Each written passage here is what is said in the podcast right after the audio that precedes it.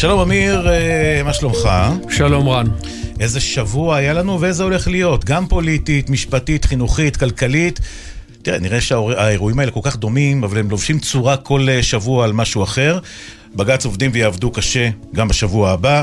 מערכת החינוך עדיין משברית, לא השתנה שם שום דבר. מטבע החוץ נוסק לשחקים, מזג אוויר. ומה לא בעצם? אבל uh, לפני הכל, uh, ראש המוסד דדי ברנע בהתבטאות uh, נדירה בכנס של הארגון לרגל uh, 50 שנה על מלחמת יום הכיפורים, על חשיבות האחדות, דווקא בימים אלה. אל לנו להמעיט בחשיבות האחדות כדי לשרוד. כוחנו באחדותנו הפנימית. בערכים הבסיסיים עליהם מושתתת המדינה, ערכי היהדות והדמוקרטיה.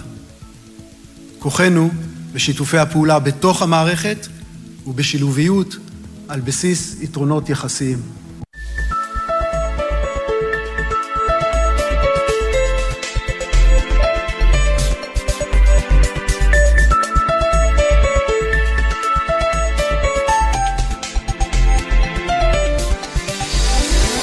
רן יבנאי ואמיר בר שלום עם יומן סיכום השבוע.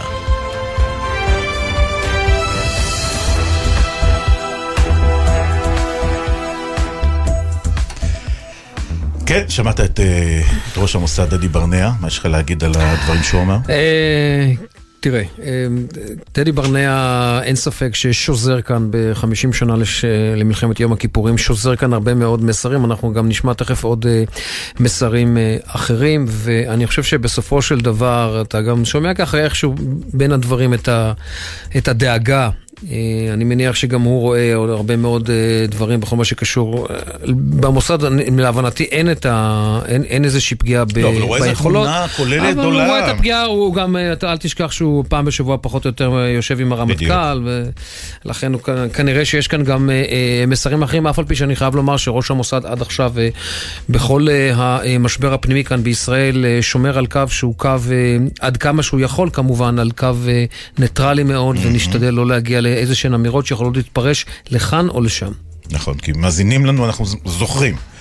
גם בצד השני, מעבר ברור, לגבולות. לגמרי. וכל uh, התבטאות כזו או אחרת יכולה להביא דברים שאנחנו כבר מכירים מתקופות אחרות, אפרופו.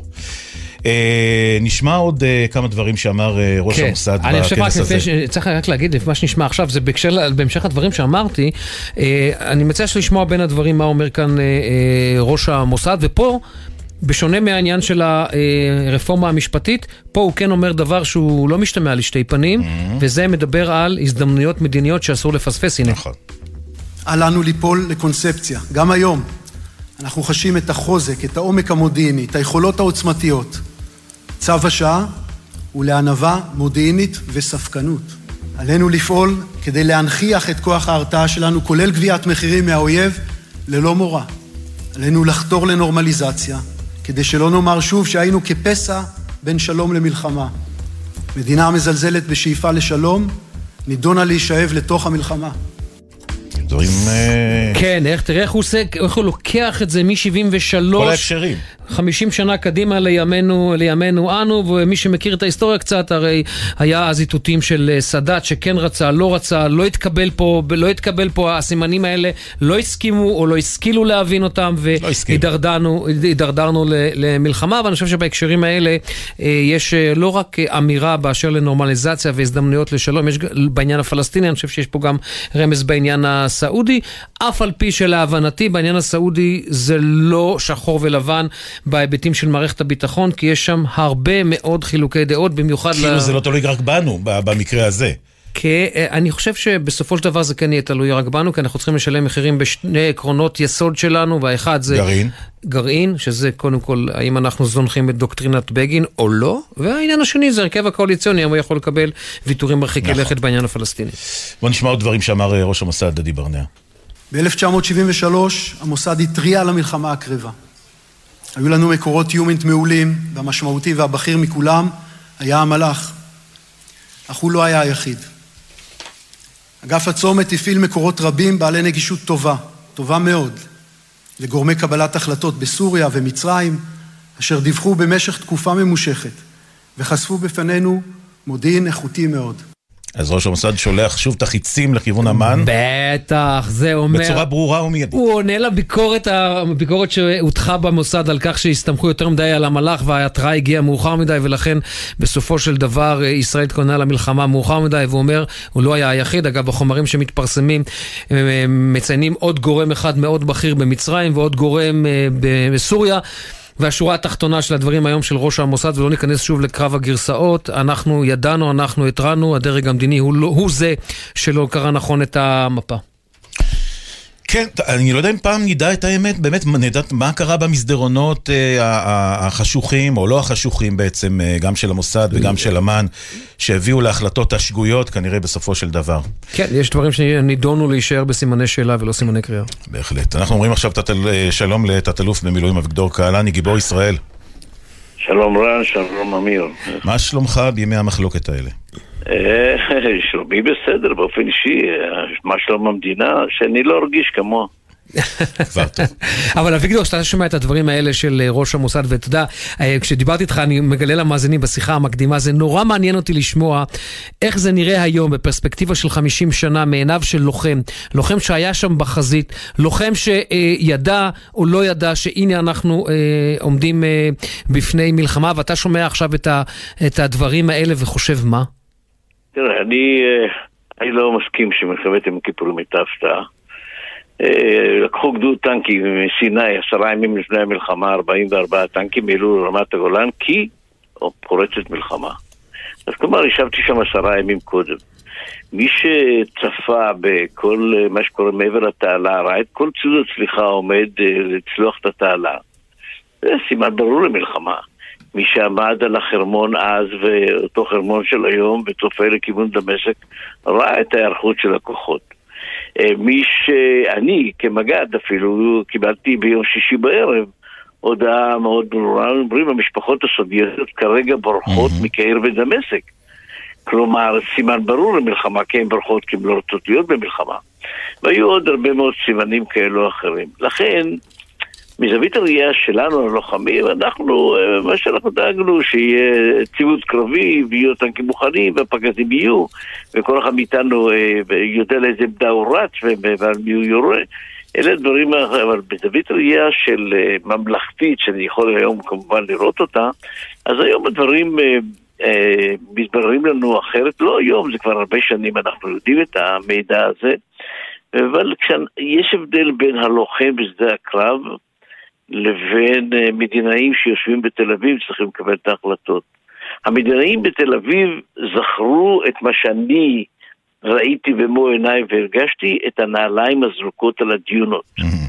במלחמת ששת הימים, כשאני הסתערתי בצומת רפיח ובמקומות אחרים, אני זוכר את התמונה שהמצרים מורידים את הנעליים ובורחים מאיתנו, והתמונה הזו של הנעליים הזרוקות על הדיונות והנשק מונח בצד ואלפי חיילים רצים לחוף הים, התמונה הזו היא סמל. שהיא מביאה אותנו למלחמת אה, יום הכיפורים, כי הנעליים הזרוקות על הדיונות היא סימן של תבוסה וניצחון ענק של צבא ישראל. אז, אז, אז, אז אותה יהירות שאתה מדבר עליה, אה, של גור, הגורמים המדיניים בעצם, של לא יכלו בכלל להגיע למצב הזה של לחשוב שמי מי, מי בעצם יפתח במלחמה, אם אפילו לא נמצאים בתנאי סף לפתוח במלחמה, גם הצבא הסורי וגם לא הצבא המצרי. תראה, ההעזה של הסורים ושל המצרים זה חלק מהניצחון שהם חשים בו. עצם זה שהם העזו, הם רואים בזה את ההישג. זה לא משנה כמה החיילים הם הקריבו וכן הלאה. זאת העזה, והעזה שהיא קצת אה, הייתה פחות מקובלת אה, על מי שניהל את המדינה באותה תקופה. הם היו צריכים לקבל החלטה אחת קרדינלית. יום חמישי או ביום שישי לגייס את המילואים. הצבא, 80% מהצבא היה מילואים. ואי אפשר, זה, היום זה שונה כבר כמובן.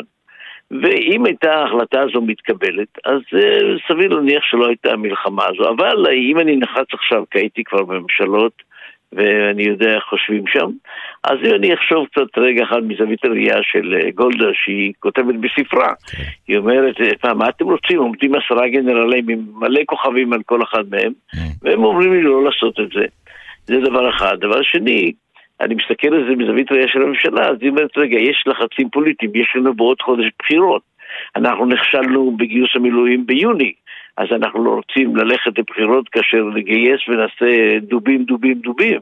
אז זה דבר אחד שהיא לא יכולה לקבל. דבר שני, ישנו לחץ אמריקאי שלא נותן לתת התקפה מקדימה של חיל האוויר שלנו, ואז הם הולכים להחליף את כל התחמושת, זה לוקח שלוש שעות. אז יש כל מיני דברים שאתה יכול להבין את קבל... אופן קבלת ההחלטות, אתה לא מסכים עם זה, כן? אתה יכול להבין איך קיבלו את ההחלטות וממה הם חששו, כי פוליטיקאי הוא פוליטיקאי ולעולם יישאר שכזה. ואם אתה מסתכל על היום, אביגדור קהלני, על אי ההתייצבות וכל הדברים האלה, לנוכח אה, אה, ההתראות שאנחנו מקבלים בגבולות השונים וגם מאיראן, מה, מה אתה אומר? אין דבר כזה, אצלי לא קיים מושג של סרבנות והתייצבות. אין מושגים כאלה, גם כשאנחנו לחמנו אנחנו לחמנו וידענו שממשלה פישלו וכן הלאה וכן הלאה. מה פתאום? יצאנו להגן על מדינת ישראל. יש לנו מדינה אחת בלבד. אז מה חשוב לי מה הפוליטיקאים חושבים ואיפה הטעויות שלהם? אני צריך לשמור על הבית שלנו, של העם היהודי שיושב בציון. ואין פה שום סיבה שיכולה, מישהו יכול להשתמש בה כסיבה שאני אה, כרגע מסרב. תחליפו את הפוליטיקאים, תחליפו את הממשלה, אם זה מה שאתם אה, רוצים בכל החדשותיה. אבל אין דבר כזה מושג שאומרים תמות נשים פלישתים. מה זה תמות נשים פלישתים? מבחינה זאת מה? אז מה, מה, מה נעשה?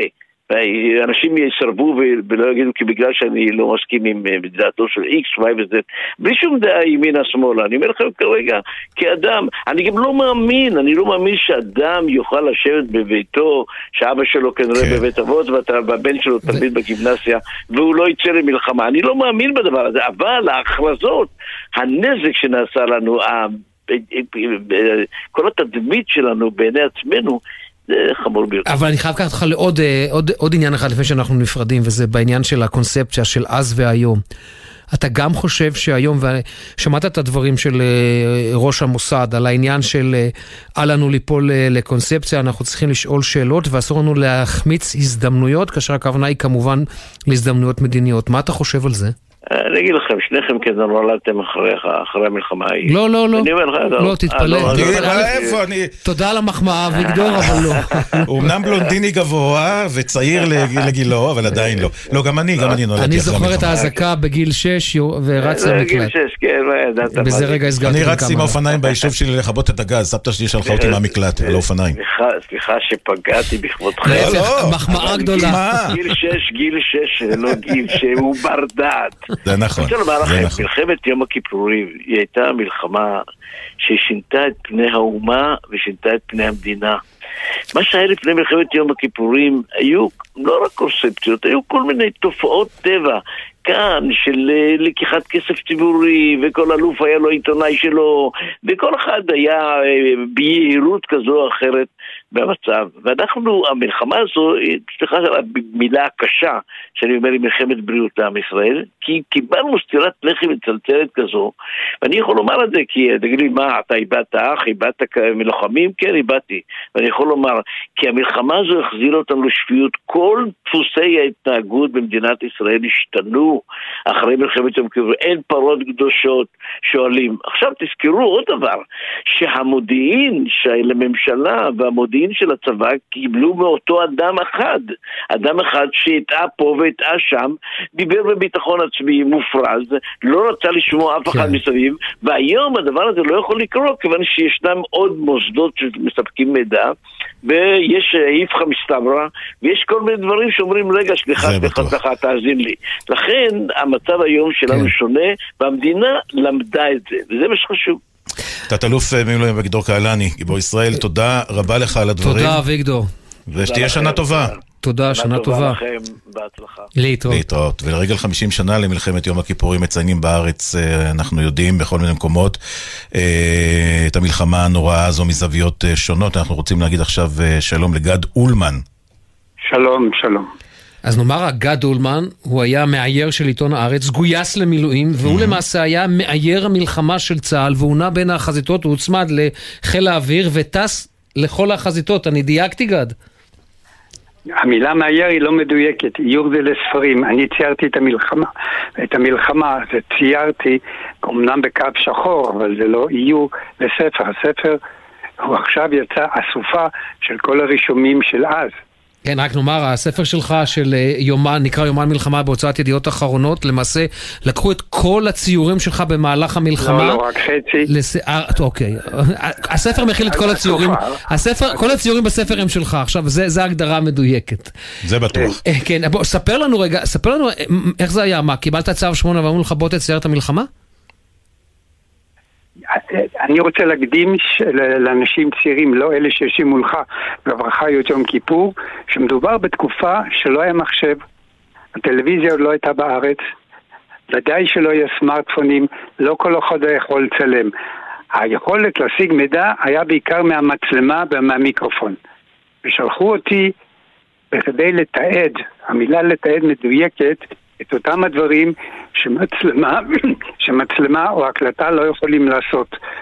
ואני יכולתי, כחייל פשוט, הייתי סמל או משהו כזה, להגיע למקומות רק עם ניירות, פנקס ועט פשוט טוש, מה שאפשר, ולהיכנס ולהיות מאזין סתר. של כל מיני דברים בפיקוד ביום ההחלטה על הצליחה, או להגיע לחווה הסינית ולפנות פצועים. ואני תוך כדי כך שאני עושה את הפעולות האלה גם רושם ושומע חטף, לא מסובכים, הכי פשוטים שאפשר, בקו, שני קווים. אבל מה, הייתי, מכיוון שאני אמן בעיקרון ובא במקרה הזה לשרת את עם ישראל ולתת להם את מה שאפשר לתפוס בהכי הכי הכי תמציתי, יצא שמכל המקומות שהייתי, ידיעות אחרונות חשב שזה מעניין גם לחמישים שנה לדבר הזה, להראות את זה. תגיד, אני רוצה מה... להגיד, ואני רוצה להגיד כמה זה אה, היה משמעותי, מה שקרה לי שלשום, שבא אליי חייל, זאת חייל שאז, איש מילואים מבוגר, הוא נראה מבוגר, הגיע לחפש אותי שהוא גזר גזיר עיתון שמתוך ידיעות אחרונות, ובא אליי לראות את הספר. כי... והוא בקול חנוק אמר לי, אתה ציירת בדיוק את המקום שבו נפגעתי. וואו. שום צילום, קניתי כל, את כל הספרים של המלחמה. ולא הרגשתי, ופה וואי אני. מרגיש דמעות בעיניים. ומה מה קורה לך? משהו בדבר הבלתי אמצעי הזה, זה קו כזה פשוט, בכל זאת קרה לאנשים מה שהם רואים את זה. זו אמנות, זה לא איור במושג של ציור ספרים. תגיד, ומה קורה לך, אדם שנחשף ואחר כך גם צריך לתעד את uh, זוועות המלחמה? יש לזה שני חלקים. אני יודע, תחשוב רגע על איש כיבוי אש, או, או שוטר, או כל אדם, אפילו רופא במיון. אתה מנטרל את האישיות שלך, אתה רק בשביל האחר. זה סוג של... שאני אפילו לא יודע אם הסתכנתי, אבל ודאי ודאי הייתי תחת אש, הייתי תחת טילים, הייתי בכל מיני מקומות, וממש לא חשבתי על עצמי. ההפך, אני, מכיוון שהייתה לי ציפורן, יכולתי להשתתף, לעשות משהו נוסף. אני רשמתי מפי חיילים כל פעם משפט חשוב שהיה להגיד לו. אם זה היה בחווה הצינית, הוא אומר, זה נורא.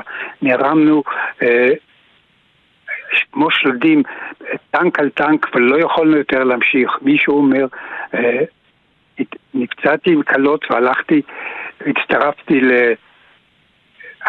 עם המ"פ הצטרפתי לנניח נגמ"ש, וכולם התפוצצו, רק אני ניצלתי. אני שומע דברים ברגע הנכון וואו. ורושם אותם.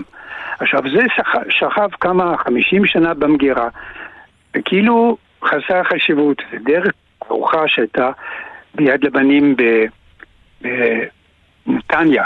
כן. עצרה אותה אורלי עזרן, והגיע לידיעות אחרונות שראו את ה... היה שם מכשיר טלוויזיה שזה רץ ברצף הרישומים, איזה 40 רישומים, והוא אמר זה מתאים לספר. טוב, הייתה שוב מריה, אני לא, לא אפרט כמה זה כן. מסובך לעשות מרישומים בודדים. גד, אנחנו פשוט חייבים לסיים, ואני ממש רוצה שאלה אם תוכל לענות לנו ממש אה, בקצרה. אתה מרגיש שבאיזשהו מקום כן הצלחת, ב, אתה יודע, ב, איך אמרת, בציפורן ונייר, כן להביא משהו אחר מהמלחמה לציבור שם מאחור שלא ידע את התופת, או לא הכיר את התופת, רק שמע עליה?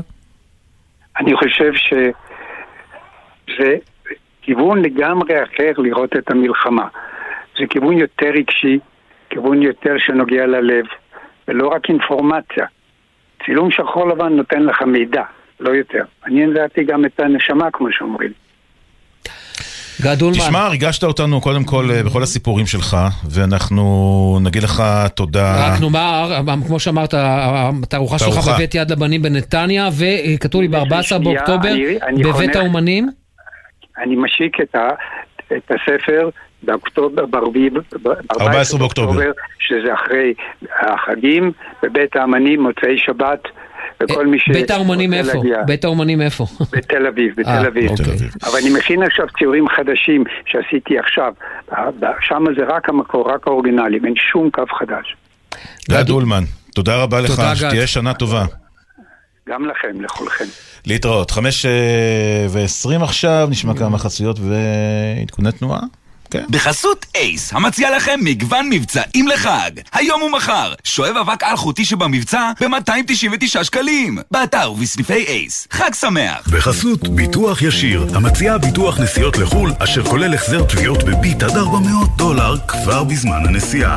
כפוף לתקנון, איי-די-איי חברה לביטוח. בחסות זאפ co.il, המציע לכם מהיום להשוות וגם לקנות עשרות אלפי מוצרים בקנייה ישירה ובמחירי זאפ. זאפ, אין סוף הזדמנויות, כתובת אחת.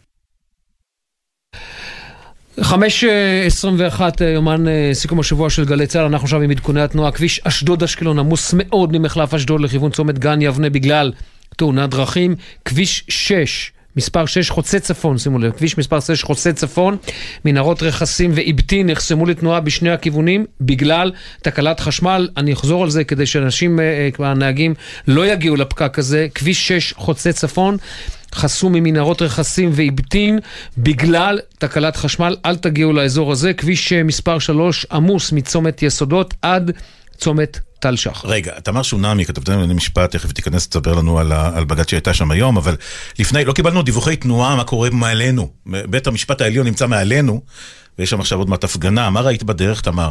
אה, אז האמת היא שהבג"ץ הסתיים עוד סביבות אה, שלוש וחצי, אז עוד היה יחסית ריק. כן, כבר ראינו את החסימות, את הגדרות אה, שבהבטחה ככה נערכו טוב טוב, אפילו שתי אה, שכבות של אה, מחסומים סביב בית המשפט העליון, גם בגשר שם שמחבר בין הקניון הסינימה סיטי לבין בית המשפט העליון, אז זה היערכות, שמענו כבר את ההיערכויות אה, של ה...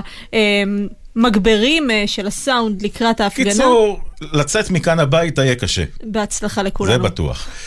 טוב, אז בג"ץ היום דן אה, בעתירה נגד פיטוריו של יושב ראש דואר ישראל מישאל וקנין על ידי השרים שלמה קרעי ודוד אמסלם. לפני יומיים היועצת המשפטית לממשלה בהרב מיארה הגישה את חוות דעתה לשופטים, לפיה בעצם אסור לפטר אותו.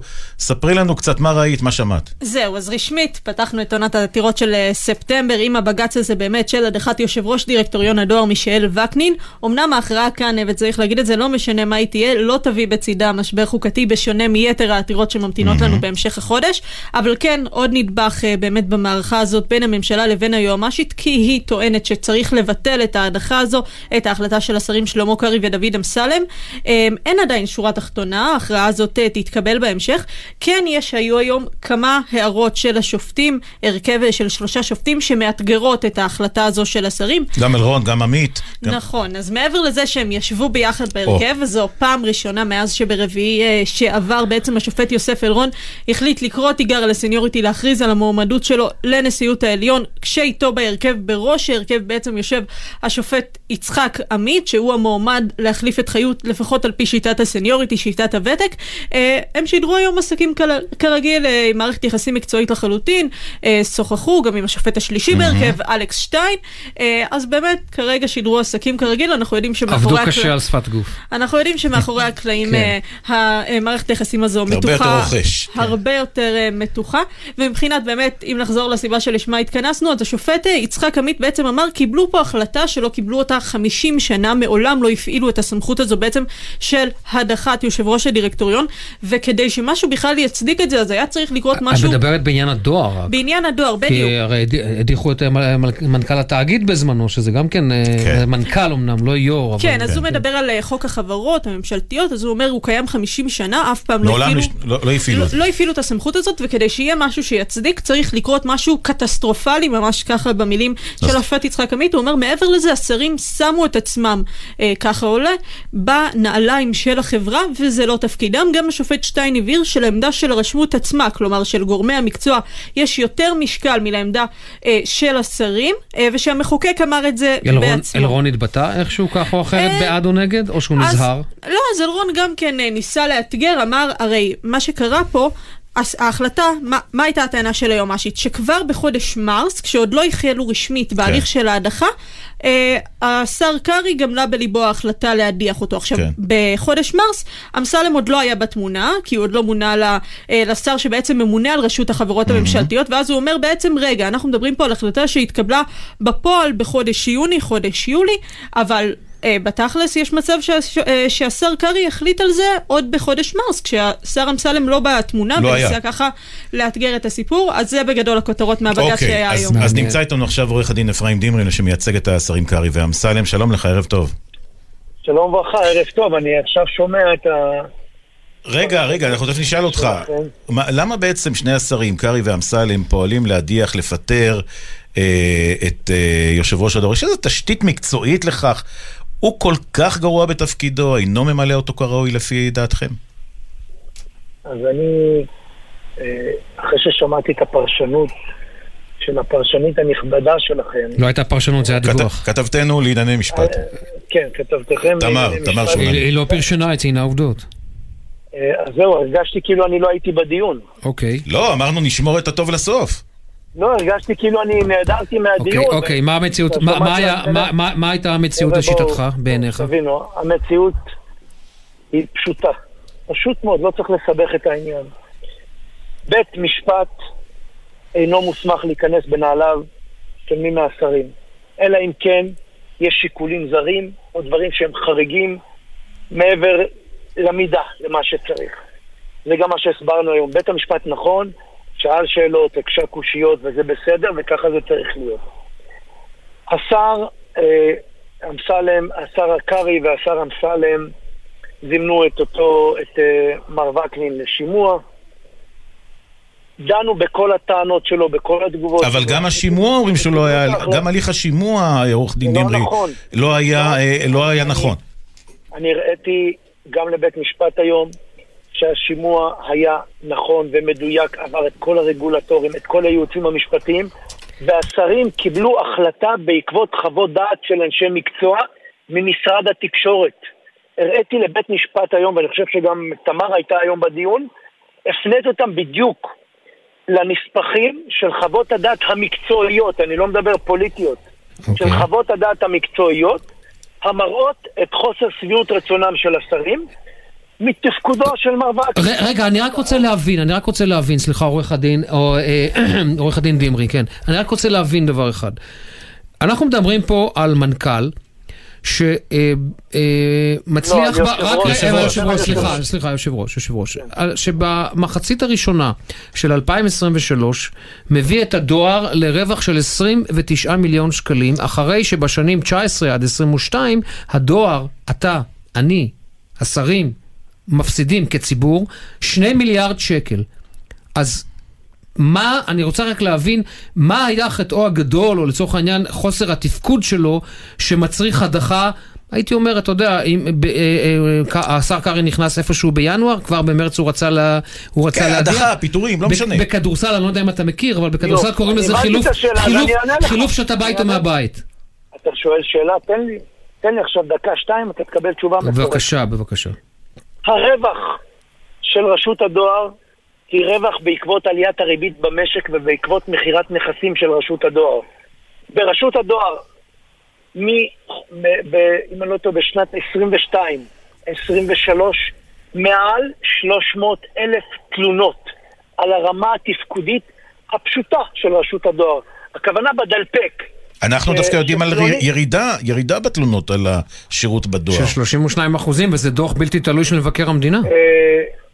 אה, הירידה הזו נכנסה בעקבות הת- התערבותו של השר קרעי.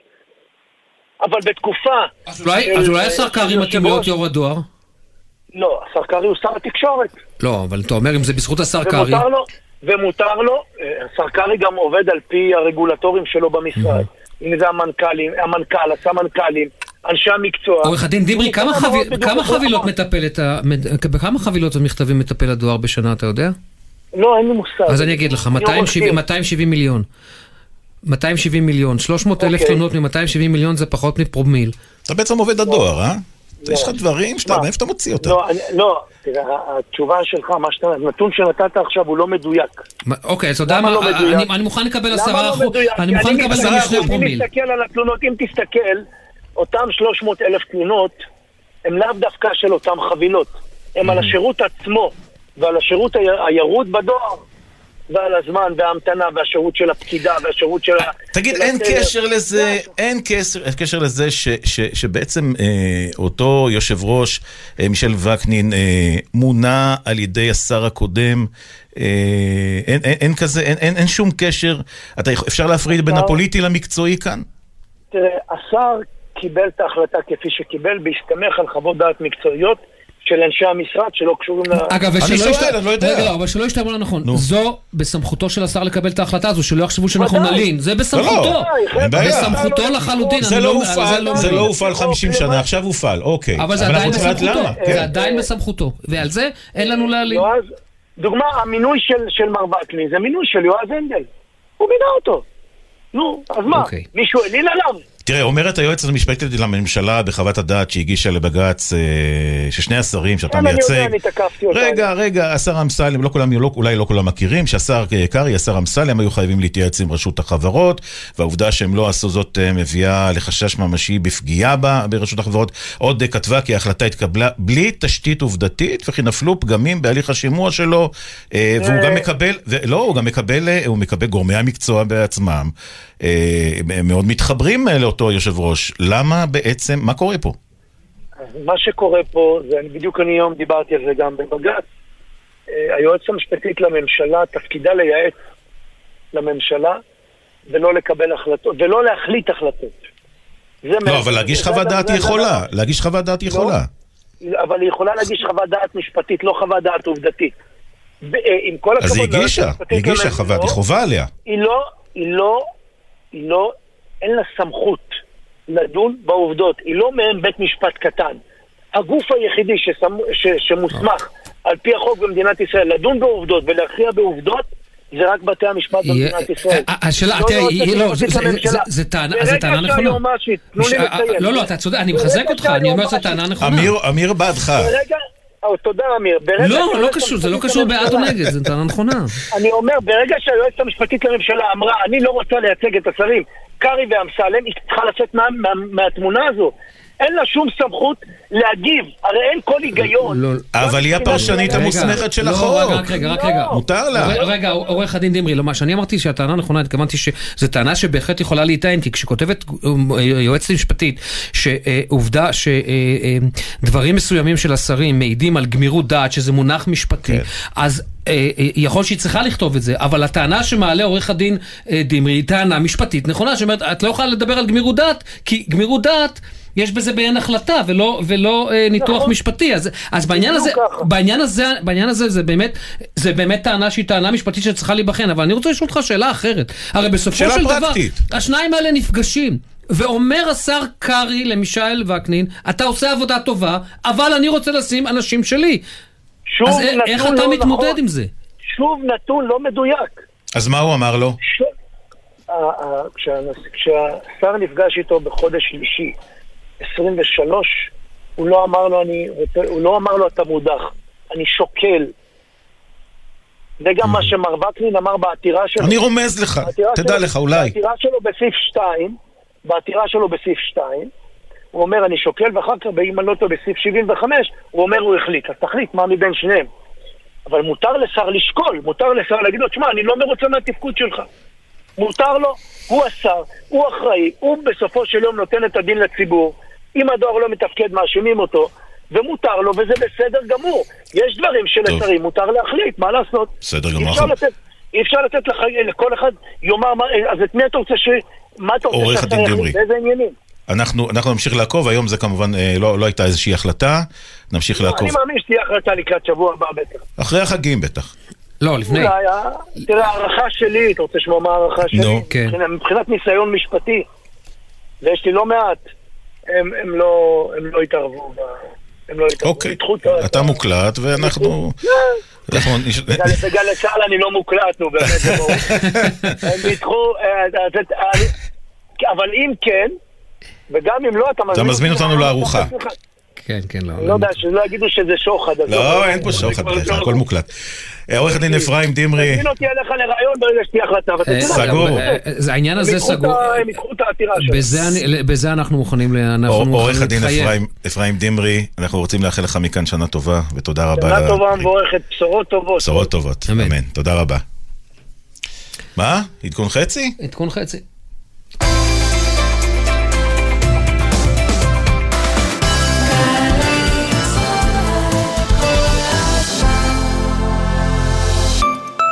מהאולפנה והתיכון למשרד הביטחון. אנחנו מבטיחים לך תפקיד איכותי ועתיד משמעותי בליבת העשייה הביטחונית של מדינת ישראל. מצוינות וציונות הן אצלך בנשמה? בואי לשירות לאומי משמעותי במשרד הביטחון. במגוון תפקידי ספר סייבר, טכנולוגיה, הדרכה, לוגיסטיקה, משאבי אנוש ותקשורת. ותוכלי להיות חלק מן העתיד הביטחוני של המדינה ושלך. ההרשמה לשירות הלאומי החלה. פרטים באתר עמותת של שילה, עמותת בת עמי, עמותת שלומית שילת ומשרד הביטחון.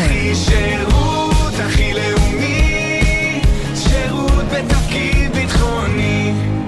עוד מתלבטים מה ללמוד בשנה הקרובה? אנחנו מזמינים אתכם להגיע ולשמוע מה יש לנו להציע. שניפגש בקמפוס בר אילן. יום ייעוץ אחרון, יום שני, 11 בספטמבר, 4 אחר הצהריים. אוניברסיטת בר אילן. לפרטים נוספים, חפשו בגוגל. שניפגש? עמיתי מועדון חבר, ההרשמה למרוץ חבר בעיצומה. אתם וקרוביכם מוזמנים לרוץ במגוון מסלולים, לתרום את הקילומטרים לעמותת פרקינסון בישראל, ליהנות מאירוע ססגוני, כיבוד עשיר וערכת שי לכל משתתף ומשתתפת. 20 באוקטובר, גני יהושע תל אביב. ההרשמה באתר מועדון חבר. זה הכל בשבילך,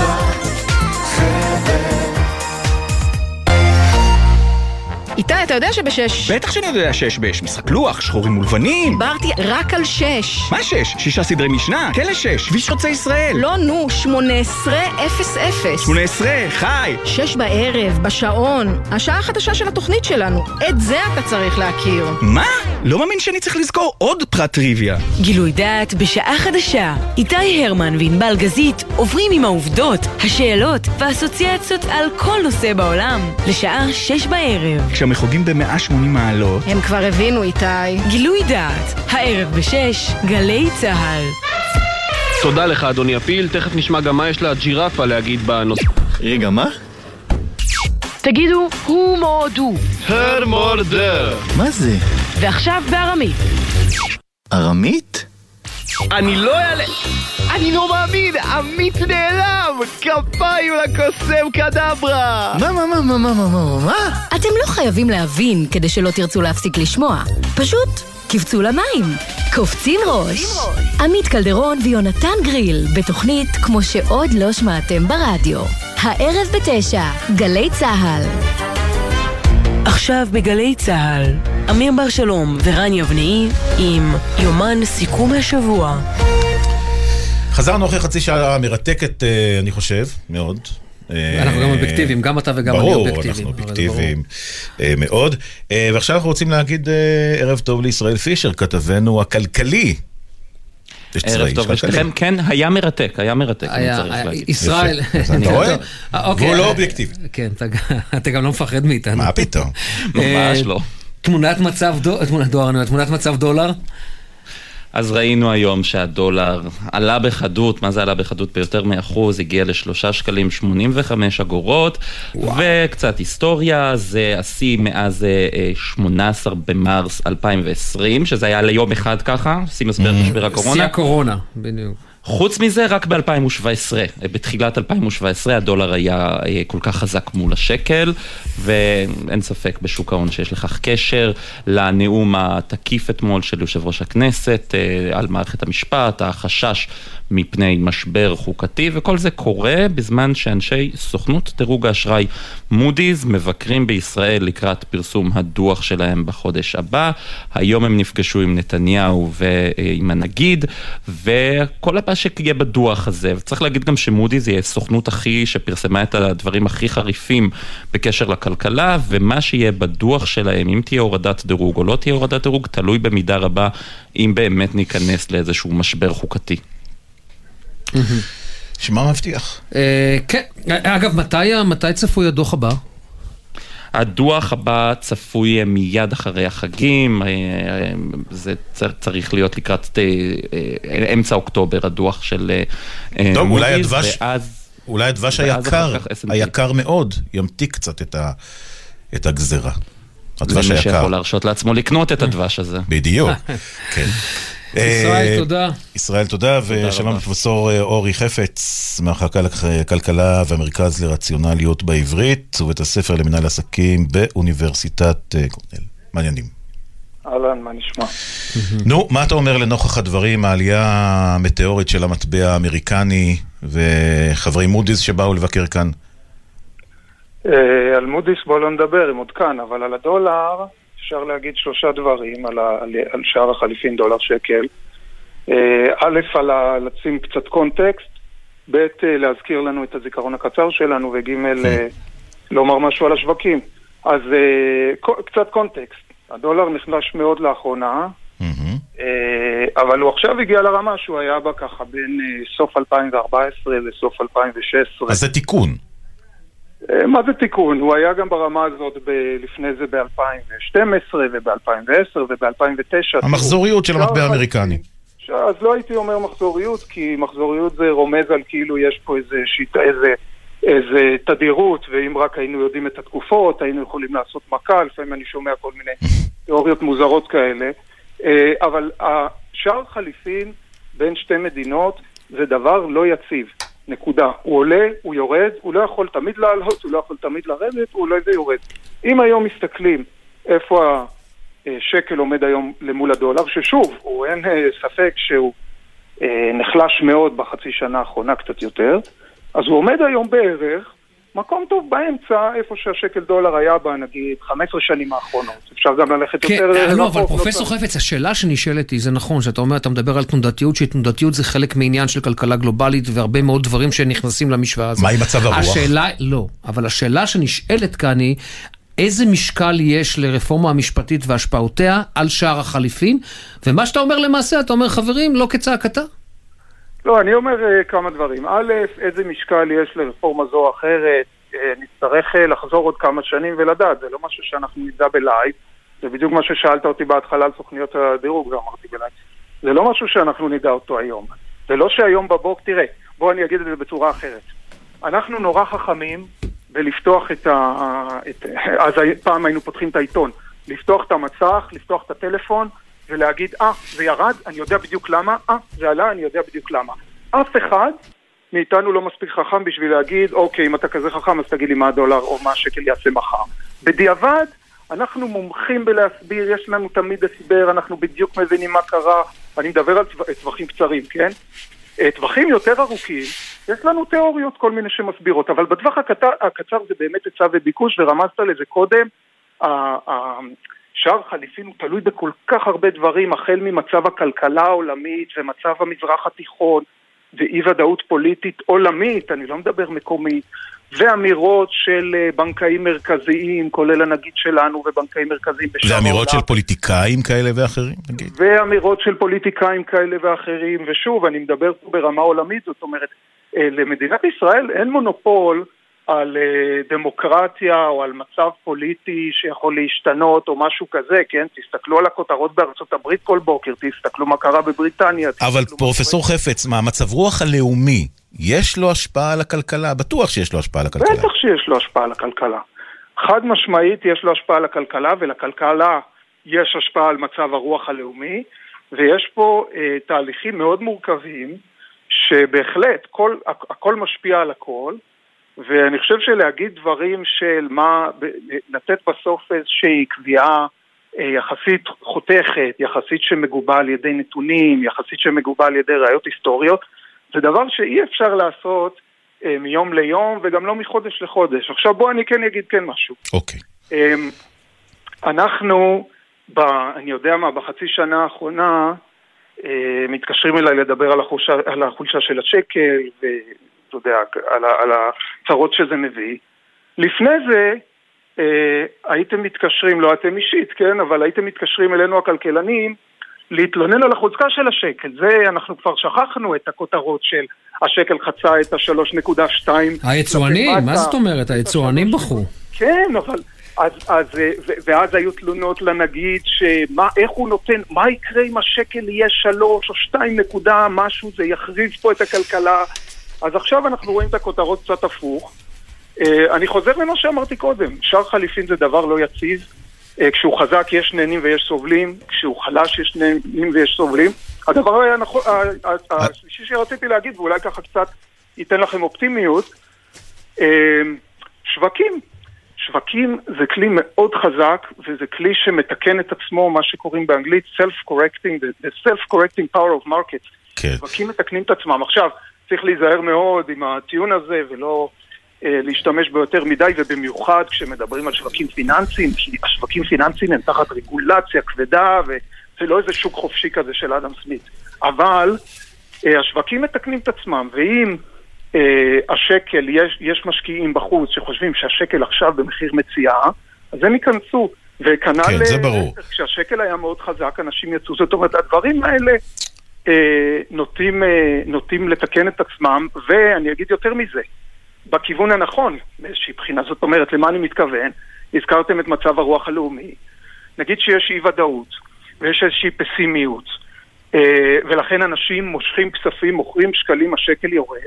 בעצם, זה בדיוק המרשם שרשם הרופא בשביל לרפא כלכלה שהיא רואה ביקושים חלשים. אז המטבע יהיה יותר חלש, אה, היצוא נהיה יותר אטרקטיבי. בקיצור, אתה אומר לנו, תשמרו, תשמרו על אופטימיות, תמיד זה יהיה ככה, זה לא, זה מושפע קצת, אבל לא בדיוק אה, באופן ישיר ממהפכה משפטית, או איך שתקרא לדבר הזה, אה, אה, תגדיר את זה. אה, אנחנו מאוד רוצים להודות לך, כי יש לנו כמה ישראלים שאנחנו רוצים לחלץ עכשיו מיוון, לשמוע מה, מה, מה, מה קורה שם עם הגשמים. תודה רבה. אה, פרופסור חפץ, תודה פרופסור, רבה לך. אה, אורי חפץ, תודה רבה לך ושנה טובה גם לך. שלום לשני שדה, שלום. מה שלומך? את בכפר זגורה שביוון, בחצי האי פיליון. נכון, נכון. אמ, אני בסדר בינתיים. הרחובות, מי שלא מכיר את זגורה, ואתה ואני היינו שם, זגורה זה כפר שנמצא כמעט, אה, אה, זה לא על המים, אבל הוא ב- בשני שליש הר, מדרונות הר מאוד מאוד תלול, וספרי, אני מבין שאי אפשר לצאת מהבתים. רגע, קודם נגיד שהם יצאו לחופשה משפחתית בווילה, לא ידעתם עוד מה הולך להיות, ומה קורה? ידענו שיהיה טפטוף. יהיה לא טפטוף, אז ספרי מה. קורה, מה קורה פתאום? מה, אתם יושבים בווילה או אתם מטיילים במקום אחר? מה, מה קרה פתאום? אמ, עכשיו אנחנו כבר, אה, מיום שני, אנחנו לא ממש יצאנו מהווילה, אנחנו פה די תקועים. אנחנו אה, יוצאים, אם אנחנו יוצאים זה לקנות אוכל כדי להכין לנו משהו. יש איפה לקנות? אה, עכשיו סגרו את כל ה... את כל החנויות, את כל הסופרים, אז כרגע אין לנו מה לקנות ואנחנו תקועים בלי לחם, בלי מים, חשמל? כרגע... מה? חשמל, יש לכם? חשמל אין לנו כבר אה, כל היום. וואו. חשמל אה, לפעמים הוא הולך. רגע, אז איך את מדברת איתנו בכלל? את, אנחנו גומרים לך את הסוללה של הסלולרי. אנחנו, כן, אנחנו מתאינים, כאילו יש פרקים של זמן של כמה שעות יש חשמל, וכולם מחברים את הטלפון ושומרים את הבטריה כמה שאפשר. תארי לנו מה קרה, איך, איך, איך, אתה, אומר, אנחנו נספר שיש ממש אסון טבע גדול מאוד אה, ביוון, כולם, מי שחשוף לזה כמובן יודע, ממש אסון טבע. ספרי לנו איך זה נראה מהעיניים שלכם, של המשפחה. אה, זה קשה. אתה כל היום אתה יושב בבית, אתה רואה פרקים ואתה שומע רעמים ואתה רואה סופה ואתה לא יכול לצאת החוצה. אנחנו מסתכלים לכביש של היעדר ואנחנו רואים פשוט מפל מים ענקי, אי אפשר לצאת. הכביש נשבר, אז אנחנו לא בדיוק יכולים לצאת עם הרכבים שהזכרנו, ו... אין כביש, זאת אומרת, אתם מנותקים. אנחנו, כן, אנחנו יחסית מנותקים מכל מה שקורה. אנחנו הלכנו לפני כמה זמן לבדוק אם יש סופרים פתוחים, לקנות מים, לקנות משהו, והכל סגור. אין לחם, אנחנו אוכלים אה, קופסות הימורים וחטיפים בעיקר, וואו. כי אין הרבה איך להכין מהמם. אוכל, ויש כי לכם, אין חשמל. יש לכם צידה להערכתך לעוד כמה ימים, אם זה יימשך? אמ, יש לנו, אנחנו קנינו טוסטים כזה, שניים, ואנחנו אוכלים קופסות הימורים וחטיפים, מלא חטיפים, זה בעיקר מה שאנחנו אוכלים פה. יש עוד ישראלים שאתם אה, בקשר איתם? יש, יש עוד אה, זוג ישראלים שגם נתקעו פה אה, עם הרכב שלהם, הם אה, נתקעו בכפר שקרוב אלינו והם הגיעו ברגל לזגורה. או-אה. תגידי, את עם ההורים, לא? רגע, הם נתקעו איפה? נתקעו באיזה כפר, את יודעת? כי... אני לא סגורה על זה. אמיר חייב לסמן את הכפר, הוא לא... לא, לא, אני אסביר לך למה אני שואל. אני יודע למה אתה אה, שואל. זגורה, זגורה נמצא משהו כמו בשני שליש הר, ולמטה נכון. יש את הכפרים, את אה, חורפתו ופורי. חורפתו, כן. ולהגיע מלמטה למעלה זה א', מסוכן, זה, זה מרחק. מרחק מטורף. תגידי רגע, את עם ההורים, נכון? כן. מה, מה אומרים ההורים? הם מנסים להרגיע? מה הם אומרים? אמ, כולנו פה מאוד בלחץ, כל פעם מישהו אחר נשבר וכל פעם צריך להרים את עצמנו מחדש. אנחנו כל היום משחקים קלפים ומספרים חוויות ויוצאים לטייל כשהגשם קצת פוסק. מישהו מדבר אה, איתכם? לא. מישהו מהבעלים של הווילה? השכנים אנחנו- שכנים. הבעלה, מי ש... הבעלה של מי שהיא מזכירה את הווילה אז היא נמצאת בוולוס, ששם המצב Mm. אה, יותר גרוע, אין להם מים, אין להם חשמל. הם נמוכים לגמרי שם, זה... כן, זה על, מה זה? על? המים. זה נמל. אז ממש לפעמים היא כותבת לנו משהו ואנחנו מאוד מנסים... אז אה, אתם מרגיעים אותה בעצם. כן, לפעמים אנחנו מרגיעים גם אותה. וואי, וואי, וואי. אנחנו תקועים פה בעצם, כאילו, אנחנו כל המשפחה פה, ויצא שכאילו כל האחים, אני הילדה הקטנה, ובני בנות זוג שלה- שלהם. אז אה, כן, יש לנו פה הרבה אנשים. מה, זה נשמע לי גם אחלה דינמיקה, אחלה חוויה ודינמיקה, בהנחה שזה יסתיים עוד יו- עוד יום, יומיים והכל יהיה בסדר, נראה לי אחלה חוויה, לא? שנמאס כבר. די, כמה אפשר? משפחתית אני מדבר. אנחנו מאוד מאוד מחזיקים לתוך הרצון והתקווה שעוד עוד, עוד יום זה ייגמר ואנחנו אתם, נוכל כבר משרד לצאת. החוץ יצרתם קשר? אם יש לו לא. בכלל מה לעשות. חברת חברות אנחנו ביטוח? בקשר עם קבוצת וואטסאפ של ישראלים שתקועים פה בפיליון, אבל אנחנו לא ב... אה, ממש קשר עם... אה, ותגידי, אנשים מספרים על דברים יותר, נגיד יותר אה, גרועים, ממש כאילו, לא יודע, מצבים? אה, אנחנו כן יודעים על כמה, אה, אה, נגיד יש אה, קבוצת חילוץ של אה, פספורט קארט שכן עשו לחלץ אה, זוג זקנים, אה, שכן נקלעו למצב כן, בני רפואי. 80 80 פלוס. בני 80, ואנחנו כן אה, שומעים על כל מיני מקרים ועל אה, אנשים שישבו לידינו במטוס. אה, אנחנו כל הזמן בקשר בקבוצת וואטסאפ, כל אחד אומר מה מצבו, ויש אנשים שצפויים בדרך לסלוניקי או לאתונה, ואין להם איך אה, לצאת מזה, נתקעו בתוך בורבוט. תגידי, אתם יודעים, אתם יודעים איך אתם אה, חוזרים אה, חזרה? מתי אתם בעצם צריכים לחזור לארץ? לפי התכנון? אנחנו אמורים לחזור ביום שבת בערב, ואנחנו מאוד מקווים שעד אז יהיה, הכבישים לסלוניקי יהיו פתוחים. אנחנו מאוד... אה, באתם מסלוניקי. אוקיי. טוב, אנחנו פה חושבים עליכם, לפחות זה. אוקיי, ובאמת ת- ת- תפיקו אותם אה, כמה שאתם יכולים יותר טוב. אה, אני גם מכיר אנשים שמקבל תמונות מקאטו גצע, שזה בכלל בצד השני של החופים, של הצד השני, גם שם המצב על הפנים. אה, ואני מקווה שבאמת אה, הגשם וכל הסערה הזו כבר תחלוף, ולאט לאט גם יפנו את הכבישים, ותוכלו כמובן אה, לחזור לארץ, ואת יודעת, לספר את זה כחוויות בסוף אחר כך. כן. שרי דש להורים ו- ו- ולכולם, גם מאמיר וגם ממני. ויהיה ו- בסדר. ויהיה בסדר, באמת יהיה בסדר, תהיו אופטימיים, יהיה בסדר. יהיה בסדר, ואנחנו נמשיך לחפש ולראות מה קורה איתכם. ונעקוב. תודה שני. שני. להתראות, שיהיה לכם ערב טוב. טוב, דיברת על פקקים, דיברת על ההפגנה שאמורה להיות אוטוטו מול אה, בית המשפט העליון. אה, אנחנו אומרים שלום לכתבנו יואלי ברים שנמצא שם, שלום יואלי. שלום לכם, אז אה, באמת עוד כשעה צפויה להתחיל הפגנת, ה- לא, לא שעה, זה היה אמור אוטוטו, להיות... אה, לא? כן, כן. זה יש נדחה קצת פשוט, המארגנים הודיעו, אבל, אה, אבל אה, הפגנת החירות ככה... מה, לא הגיעו מספיק? אנשים? אה, לא הגיעו מספיק אנשים? יואלי? ההסעות, יש קצת עיכוב אה, ב- בהסעות, אבל- אה, כי משום שיש הסעות רבות מהשטחים מכל רחבי הארץ.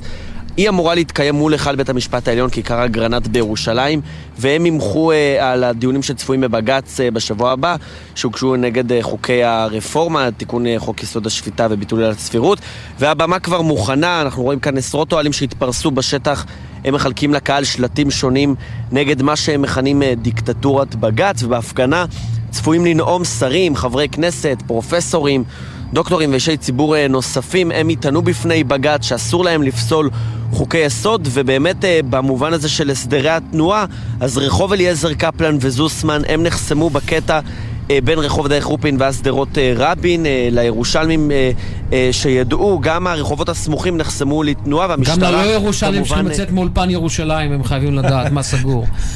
אמיר אמר לי, תשמע, יואלי, יואלי, אמיר אמר לי, סע אחריי, זה בסדר, אני אגיד לך מאיפה לנסוע. הוא פשוט לא ידע שאין מאיפה לנסוע.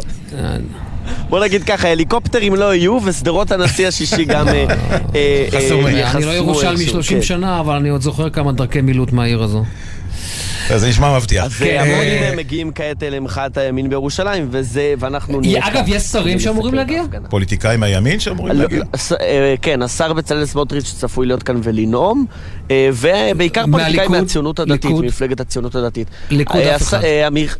אה, חבר הכנסת בוארון הוא ממארגני המחאה, אז אה, הוא כן, יהיה הוא- כאן. לא יהיו שרים מהליכוד, וארגוני- אבל. ש- שרי ליכוד לא ידוע לי, ו- אבל צריך להגיד, זה ארגון, בעיקר אה, מחאה שמובילים ארגוני ימין, כן. אם תרצו וכהנה. אוקיי, יואלי. אנחנו אה, נמשיך להתעדכן איתך כמובן בהמשך הערב, מערכת החדשות של גלי אה, צה"ל, במהלך המהדורות, אבל אנחנו מסיימים פה את אה, יומן סיכום השבוע של יום חמישי. העורך הראשי שלנו, רועי ולד, אדום כתמיד, המפיקים הוד בראל ומאי נבון, על הביצוע הטכני קיקו נדב, ויפו בן שנים בפיקוח הטכני אילן גביש, עורך הדיגיטל, שי ישראל, מיד אחרינו, גילוי דעת. עם גילוי דעת והרבה הרחבת דעת, עם איתי הרמן וענבל גזית. אתה מוכן לחום של מחר? אתה תעקוב אחריי עכשיו בדרך החוצה. מה זה עוקב? אתה- אל תיסע מהר מדי, כי אתה בדרך כלל, אה, אתה יודע, אתה בורח לי. דבר אחרון שאפשר להגיד שאני נוסע מהר. מאה אחוז, על. הכיפאק. אה, אה, שיהיה סוף שבוע נהדר. שקט ופחות חם אם אפשר. להתראות, אמיר. ביי.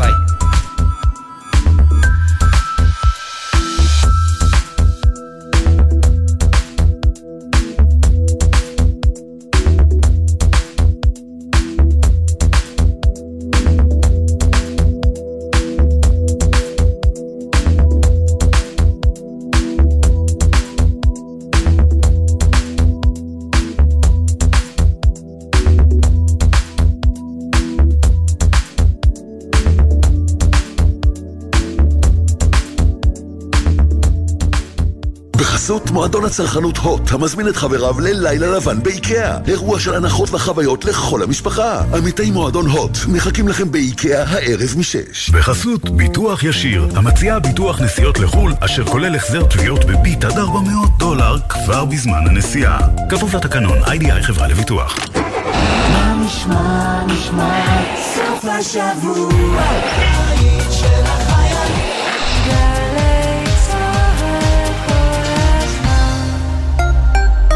שלום, כאן אפרת מאגף השיקום. מהיום אנחנו מביאים את שירותי הרפואה עד עליכם הביתה. השקנו מערך רפואת מומחים בשיחות וידאו מקוונות בתחומי האורתופדיה, העור והפסיכיאטריה, ותוכלו לקבל חוות דעת מומחה בלי לצאת מהבית, והכל עד חמישה ימים. בנוסף, תוכלו להזמין תרופות וציוד רפואי באתר האגף בפשטות ויעילות, מכל מקום ובכל זמן. אנחנו כאן בשבילכם, אגף השיקום במשרד הביטחון.